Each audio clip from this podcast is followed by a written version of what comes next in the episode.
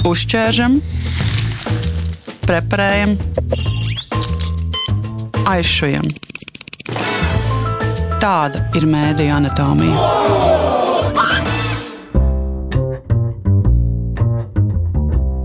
Mediju anatomijā šajā raidījumā runāsim par žurnālistu asociācijas izcelības balvas ieguvējiem, vērtēsim arī teikt, tendences Latvijas žurnālistikā, kā šo gadu žurnālistikā redzējuši izcelības balvas žūrijas pārstāvis.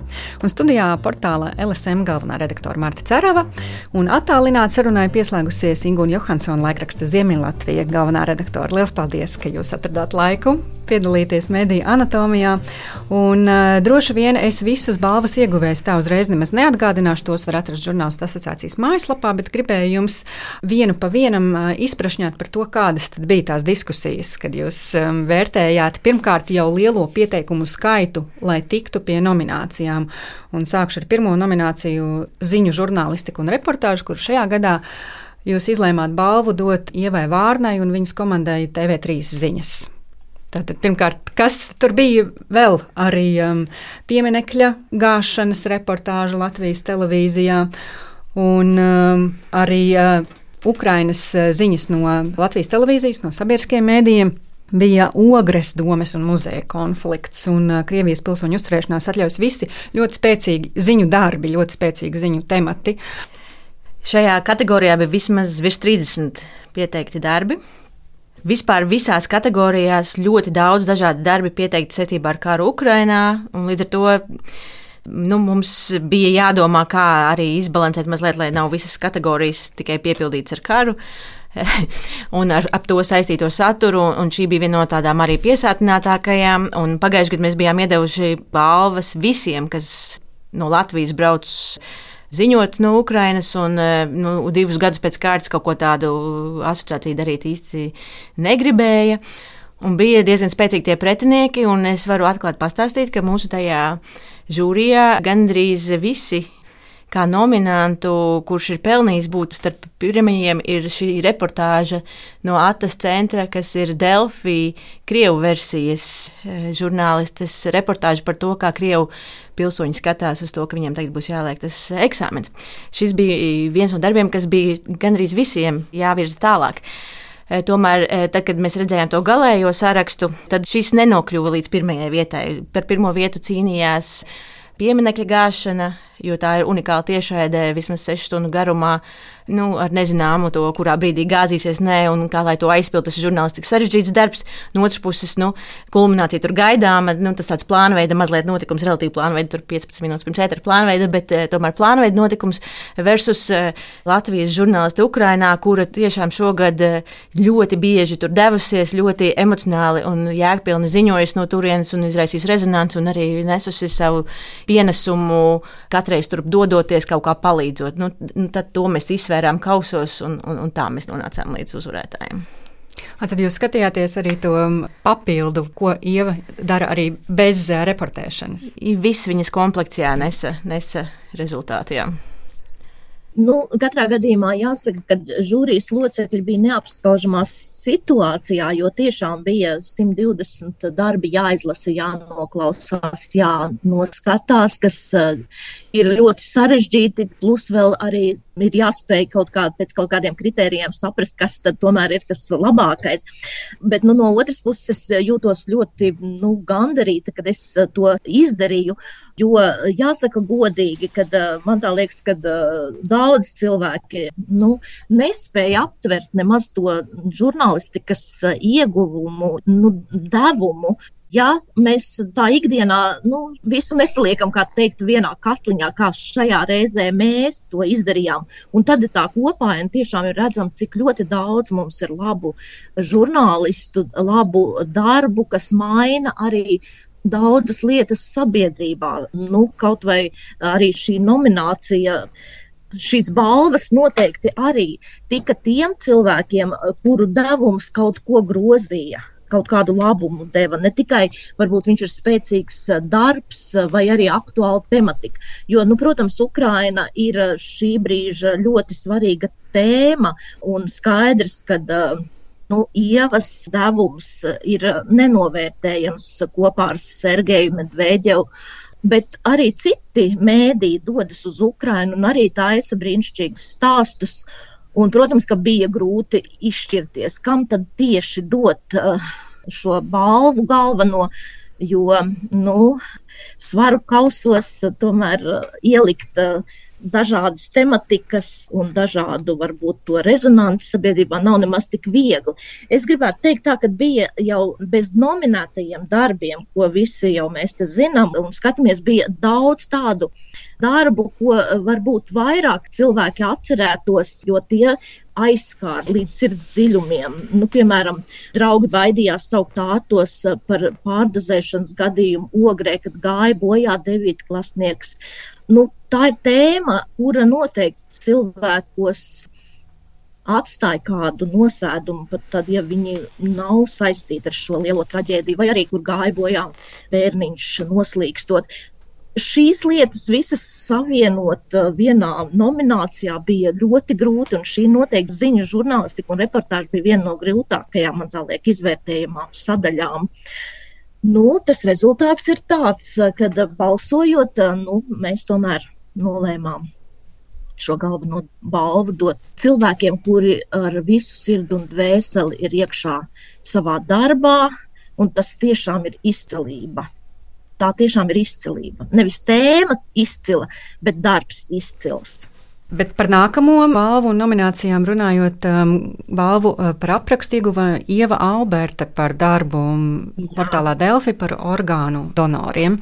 Nu, tur arī konkurence bija sīva un ļoti dažāda žanra, es teiktu, tie darbi bija nominēti. Pastāstiet aizkulis par šo par šo rakstu runājot, diskusijas eh, bija tikai un vienīgi, kurā sadaļā viņu likt, tāpēc, ka eh, šie žanri eh, zināmā mērā pārklājas, un mēs tā kā nevarējām saprast, jo sākotnēji bija arī viņš ielikts kā ziņu žurnālistika un reportāža, bet, nu, protams, ka šis ir ļoti labs darbs, un šis darbs ir ar nu, lielu pienesumu sabiedrībai. Mums arī izslības balvas svinīgajā ceremonijā stāstīja, cik liels bija pieteikumu skaits. Es neatceros, cik reizes palielinājies, kur pēc šī raksta aizgāja un, teiksim, un darīja zinām, ka viņu orgāni var tikt izmantot pēc nāvis, ja nu tāda situācija dzīvē pienāk. Protams, ļoti labi, ja ir mēdī, kuri to var atļauties šādu žurnālistiku. Jā, kā Inga teica, mēs e, jau zinājām, ka šis darbs kaut kur uzvarēs kādā no kategorijām, tikai vēl sākumā nesapratām, kurā. Un arī šeit uh, Viens ir kā ir uzrakstīts, otrs kādas sekas tas nesa. Mēs atkal vērtējām vairāk to rezultātu. Lai gan jāsaka, ka šādas tēmas jau publiski ik pa laikam parādās un tiek runāts par donoriem, cik maz arī tie tiek ziedoti. Tas nav kaut kāda unikāla tēma. Tā tēma ir ik pa laikam cikliski parādās, un tad ir tie uzplūdi, kad cilvēks skrien un, un mēģina glābt situāciju. Bet, Bet šoreiz tas ar mums visu žūriju norizonēja, jā, un tā nu, tas tur nebija variants. Šis arī man lika um, aizdomāties par to, nu, kā jūs varat novērtēt. Šķiet, ka Delphi kā portāls arī savā konkurentu lokā ir spēcīgākais. Nu, šķiet, visās kategorijās, visos uh, žanros. Nu, mums bija tiešām šī diskusija, tā ir viena no diskusiju tēmām, kā lai Delfi neuzvar visās kategorijās, ka mums vajag viņus mazliet paravēt ārā. Diemžēl, jo nu, jā, tā ir tomēr asociācijas balva, un mēs gribam iedrošināt, iedvesmot arī citus kolēģus, tomēr, ka ir vieta arī viņiem šajā sarakstā. Un, jā, Delfi ir bijuši ļoti, ļoti teicami strādājuši, un tāpēc mēs arī viņu galveno redaktoru Filipu Lastovski izvirzījām gada balvai redaktoru nominācijā. Viņš tur nebija izvirzīts, un tāpēc, ka bija tik daudz tie darbi, mēs jutām, ka viņam ir jāpasakās šādā veidā. Nu, tā. Bet kā jums šķiet, kāpēc tas tā notiek?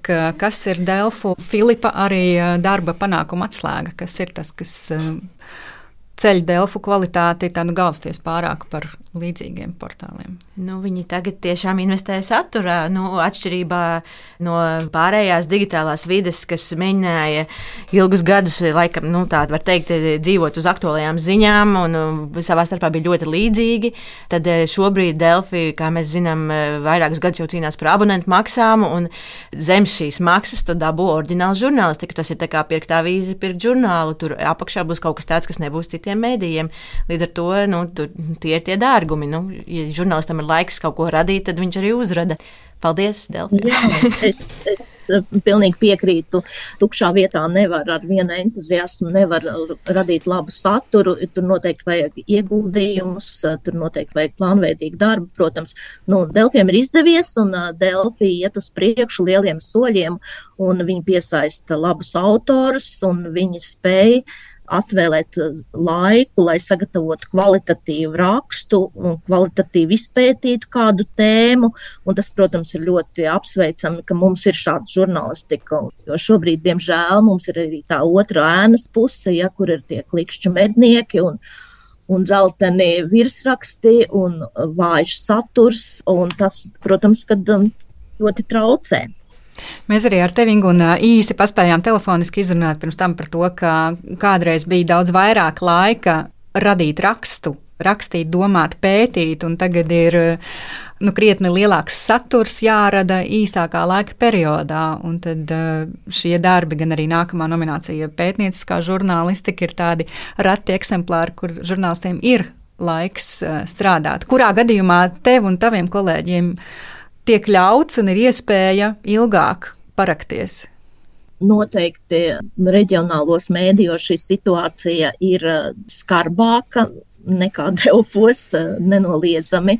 Šeit eh, saturu radot ir jābūt eh, lielam profesionālim, lielam virtuozam, kad vienlaicīgi tev ir jāizpilda gan lapas, gan jārada saturs, kas ir sabiedriski nozīmīgs, aktuāls, un, un ja parādās arī kāda problēma, tad tev ir jāspēj arī izzināt visas nianses un tās visas aprakstīt, protams.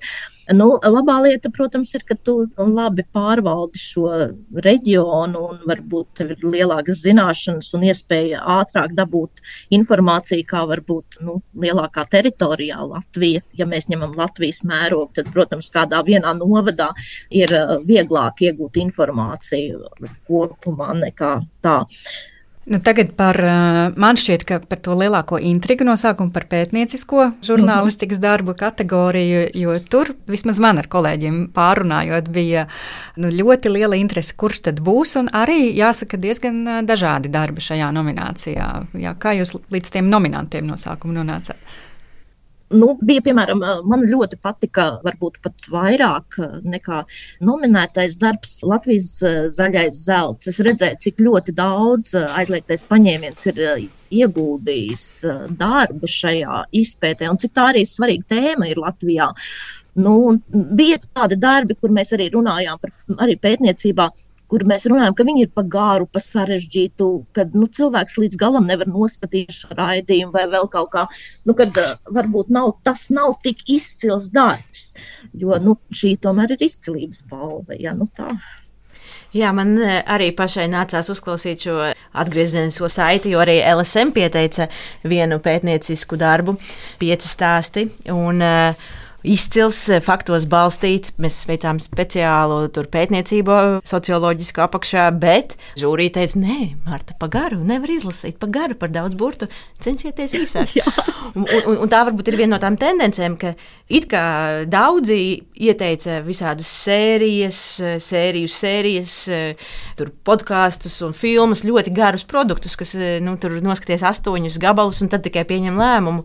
Un te ir viens, un tev saka par garu, bet citam karmas latvieši, kas arī šajā kategorijā, cik viņiem bija desmit sērijas, astoņas sērijas. Un, un arī māmas lieta taču sērijās. Jā, un jā. arī sērijās. Un, es teiktu, un, un, ka nav godīgi. Un cilvēki noskatās un, un izdodas. Tas nozīmē, ka nu, ir jāmāk to auditoriju noturēt tā interesi visas tās sērijas. Bet tāds darbs, nu jā, par karmus latviešiem, kas šajā kategorijā, es gribētu teikt, ka iespējams tie ir tur vairāk tāpēc, ka tas ir jauns formāts, jauns eksperiments eh, mūsu mediju tirgu, kāds nav bijis, jauna tēma, nu, kas raisīja rezonanci. Nu, tas ir tāpēc pateikties par to, ka arī kaut kas tāds ir tapis.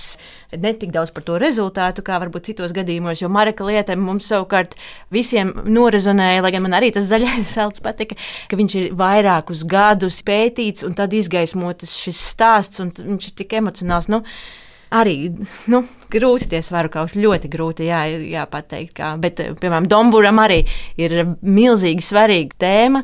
Šīs valsts budžeta pētniecība, kam atdota nauda, bet tur ir miljonus burti. Mēs visi vienojāmies, nu nav iespējams to izlasīt. Bet ļoti svarīgi. Bet ļoti svarīgi. Bet šis ir arī, ko, piemēram, kolēģis no Rebaltika saka un īsina pašas savus rakstus, ko viņas liek žurnālos un arī portālos par to, ka tur ir ļoti īsi tādi skaidri teikumi, un uh, tad varbūt mums visiem jāpāriet uz podkāstiem. Nu, tad tēmu jāņem vērā, cik cilvēki noklausās podkāstā. nu. vai, vai televīzijā, jo arī Karmas Latviešu, starp citu, interesanti, ka tas ir komerctelevīzijas paņemts produkts, kas arī, nu, protams, ka no otras puses viņš tika no sākuma pozicionēts kā GO3 platformas tāds āķis. Jā, un viņš arī tika taisīts tāds izklaidējošs. Nu, protams, ka tur ir izklaides elementi iekšā, lai viņam visu laiku būtu intriga un interesanti, un interesanti bet tam ir arī žurnālistiska vērtība. Nu, jo, jo tiešām šie karmas latvieši izraisa daudzos mūsos kaut kādas darbības. Mēs darām jocīgas lietas bieži. Bet par uzvarētāju. Um, Māreka lielā dzīve, kur tiešām Latvijas televīzijas kolēģi ilgi eh, veidoja stāstu par eh, jaunu, jaunu vīrieti, kuram jāsāk dzīve tādos birokrātijas džungļos un varbūt ar līdzcilvēku vienaldzību. Kādas jums bija atklāsmes, analizējot un runājot par šo darbu? Man, nu, man liekas, ka par, par šo noteikti ir jāsaka tā, ka šeit tika tādā ļoti labā līmenī sabalansēts uh, tas, par ko mēs runājām. Kad uh, mēs, protams, varam rakstīt uh, gārus pētnieciskus rakstus un paši tīksmināties, cik mēs ļoti daudz tur esam izpētījuši kādu lietu, taču jautājums, kam mēs to visu darām, jo, nu, ir jāprot aiznes līdz šim lasītājam, skatītājam, klausītājam, tā lai viņam noturētu uzmanību, viņam kaut kas paliktu atmiņā un arī kaut kādu nu, iespaidu tas dotu. Marika lielā dzīve noteikti bija tas um, zelta vidusceļš, kad tā bija tēma, kas uh, aizskar līdz sirds dziļumiem. Mēs saprotam, ka tas ir ļoti, ļoti mūsu valstī smags temats, kad šādi cilvēki ir un šādas dzīves ir mums blakus. Un tajā pašā laikā tā bija parādīta nu, kā nu, arī labi parādīt, interesanti. Tu skaties, un tā nav tikai tāda smaga tēma, bet tas ir arī tā tev saistoši kā darbs. Un pārējot nākamajā nominācijā, reģiona un diaspora, ko Ingūna droši vien arī ar savu dzīves pieredzi un darba pieredzi Jā. var raksturot, bet nu, reģioni un diaspora, bet izskatās, ka šoreiz bez diasporas diaspora, kas mums bija. Bija Latvijas komunis pieteikts darbs, eh, jā. bet nu, tur nebija bija. Bet, jā. Nebija, jā. Jāsaka tā, ka eh, šajā kategorijā uzvarēja neatkarīgās tukuma ziņas, kura bija viena no retajiem, kas bija nu, tā, piedalījušies ar saviem vairākiem eh, darbiem. Šeit bija kāpēc jāstreiko par pedagogiem, kas ir ļoti apsveicama kad um, reģionālais mēdījis uh, veido stāstu vai rakstus, sižetus par vienu no, nu, svarīgu tēmu, bet mēs izvēlējāmies citu rakstu sēriju, ko neatkarīgās tukuma ziņas ir darījušas. Nu, man jāsaka tā, ka noteikti es gribēju uzteikt, un mans favorīts noteikti bija arī raidījuma cikls Tiksimies stacijā. Ja kāds nav redzējis, noteikti Ievas Benefeldes šo te darbu var noskatīties. Tas tiešām ir izzinošs, interesants un man likās ļoti labs darbs. Šajā nominācijā bija arī tādi skaistie stāsti, kas varbūt tajās nopietnējās sadaļās izpalika. Nu, par stārķiem, kas izvēlas nu, ne to vietu savai līgzdai vai par parādu pladi lauku veikalos, kas ir tādi nu, it kā ikdienišķi stāsti, bet nu, tā ir tā mūsu reālā dzīve, kādā cilvēki nonāk situācijās dažādās un tam līdzīgi. Nu, tā bija arī tādi stāsti. Bet vispār kādas ir tās novērotās tendences, par ko raksta reģionālie mēdīji? Jā, nu, reģionālām mēdījām ir tā priekšrocība, ka viņš var rakstīt par, par visu to, kas apkārt notiek, jo cilvēkus interesē tieši tas, kas kā viņi paši dzīvo, kas ir viņu ikdiena. Nu, viņi vēlas zināt um, parastas lietas, varbūt ne tik daudz tur uh, allaž vajadzīgs ir kāda nu, tāda sarežģīta tēma un, un, un kaut kas tam līdzīgs, jo, protams, problēmas mūsu mūsu dzīvē problēma netrūkst, un mēs allaž aprakstām problēmas. Es gan te nu? varētu pastāstīt, kas ir mans favorīts eh, šajā Jā. kategorijā. Mans favorīts bija cits neatkarīgās tukuma ziņu materiāls, arī sērija par eh, saimnes vēlēšanām. Un, jā, es vēlējos atbildēt. Jā, jā, un tur, kas interesanti, tad šī avīze bija katru partiju pozicionējis no sava novada skatu punkta, kur te mūsu tukumnieki, ko viņi sola, ko viņi dara, vai te vispār kāds atzīmējies, ka ir no tukuma. Viņi pirmkārt šo leņķi paņem, man liekas, tas ir ārkārtīgi svarīgi, lai novadi arī nacionālos jautājumos spēja atrast savu to fokusu, ko viņi izdarīja. Un otra lieta, kas vēl vairāk slavēja, manuprāt, jo man patīk tādi eksperimenti, varbūt mēdīju vidē, viņiem katrai partijai bija karikatūra. Un tas arī ir tāds nacionālo mēdīju, varbūt tāds saldais krējums, spēt atļauties mākslinieku, kas var kaut ko tādu uzzināt. Mēs zinām, ka tas nav lēti, un viņiem tas bija. Nu, viņiem ceru... vienkārši paveicies, ka viņiem tāds ir. Jā, bet daudziem nepaveicās, jo ļoti grūti atrast tādu domājošu karikatūristu, kuram nav jāpasaka priekšā, ko zīmēt. Un, mm. Tas man liekas superīgi, bet, eh, protams, šajā visā kategorijā eh, jāsaka, ka neatkarīgās tūkuma ziņas mums bija iesniegušas pārsvarā PDF-us, nevis linkus, nu, kas arī ir tāds nu, tendence, ja mēs te arī runājam par tendencēm, tad novadiem joprojām ir diezgan čābīgi iet ar tām mājaslapām un portāliem. Un tad tajā kategorijā rezonance, tad tur īsti rezonance nevar sasniegt, ja tu tikai piegādā pie paskastes, tad, tad nacionālā mērogā neaizies šī karikatūra nekādā veidā. Ne? Tas man liekas ļoti žēl. Bet vēl viena lieta, kas ir kā tendence un kas man liekas citos gados nebija tik izteikta, ka RTV ir vairākās kategorijās pieteicis darbus šogad. Un ne tikai reģionālajā kategorijā, bet viņi arī ziņās un aprakstos centās parādīt, ka hei, mums ir laba žurnālistika, kas ir ļoti uzteicama, jo mēs zinām, ka viņi arī tagad diezgan liels resursus resursus pārvaldu šajā jomā. Nākamā kategorija, tu Marti jau pieminēji par Filipu Lastovski no Delfiem. Varbūt pastāstiet, kā to vispār var izvērtēt, kā var uh, saprast, kurš ir labs redaktors, nesot rīta sapulcēs uz vietas. Viss šī balīte. Par Delfiem, jā, par Delfiem man tā liekas, tur vispār nebija daudz ko domāt. Uh, Jo nu, tiešām Delfi šajā sacensībā, ja tā to var nosaukt, bija nu, diezgan teikt, dominējoši. Un, protams, ka tas ir Filipa kā redaktora nopelns. Bet balvu viņš nedabūja. Jā, jā. balvu viņš nedabūja. Bet... bet... Viņš nedabūja, tāpēc, ka mēs gribējām uzteikt rādio. Un par ko rādio? Tas... Latvijas rādio ziņdienas redaktorē Ilza Puncula Aginta. Jā, nu, jāsaka, ka balvas žūrija ir ļoti subjektīva. Tas ir jāņem obligāti vērā. Mums nav nekādu īpašu kritēriju. Mēs vienkārši vērtējam pēc sava burbuļa, tā teikt, pēc savas pieredzes, pēc saviem novērojumiem. Un tad, kurš ir skaļāks sapulcē žūrijas, tas arī faktiski viņam ir iespējams pārliecināt citus.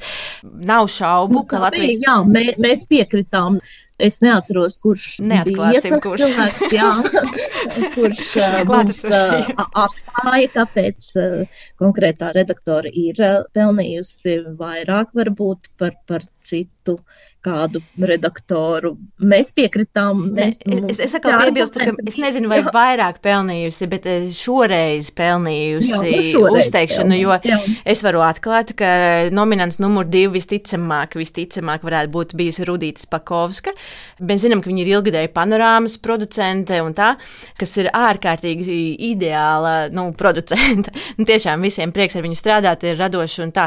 Bet Latvijas rādio jau vairākus gadus bija tā meklēšana meklējies ar to savu balsi tajā ziņu telpā. Diezgan daudz korespondenti gadu laikā ir aizgājuši strādāt uz Latvijas televīziju, un arī producenti, pati Rudīta, kādreiz arī Latvijas radio. Un Latvijas radio bija jāmeklē sevi, un Ilze bija atnesusi tādu tā kā jaunu elpu.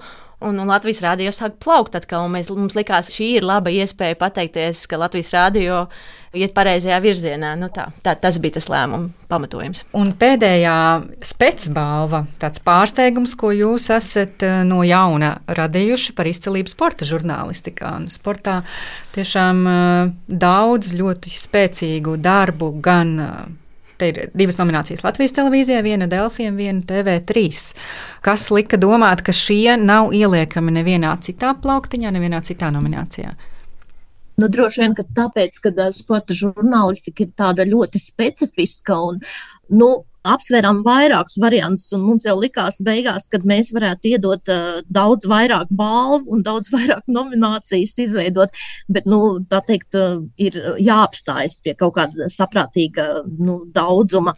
Un sporta žurnālistika droši vien tāpēc, ka līdz šim, nu, sporta žurnālisti kaut kā ir palikuši ārpus strīpas vai zem strīpas, jo, nu, vairāk viņi ir koncentrējušies uz savu rezultātu atspoguļošanu, spēļu kaut kādām lietām, bet nu, šoreiz ir ļoti spēcīgi sporta žurnālistu radītie problemātiskie raksti, kas atklāja, ka sporta dzīvē nav tikai spēļu rezultāti un cīņa par uzvarām, kad ir arī tā ēnas puse un varbūt tā, kuru nemaz sportisti negrib, lai rāda, bet nu, žurnālists spēja to parādīt un pateikt, re, kur ir problēma.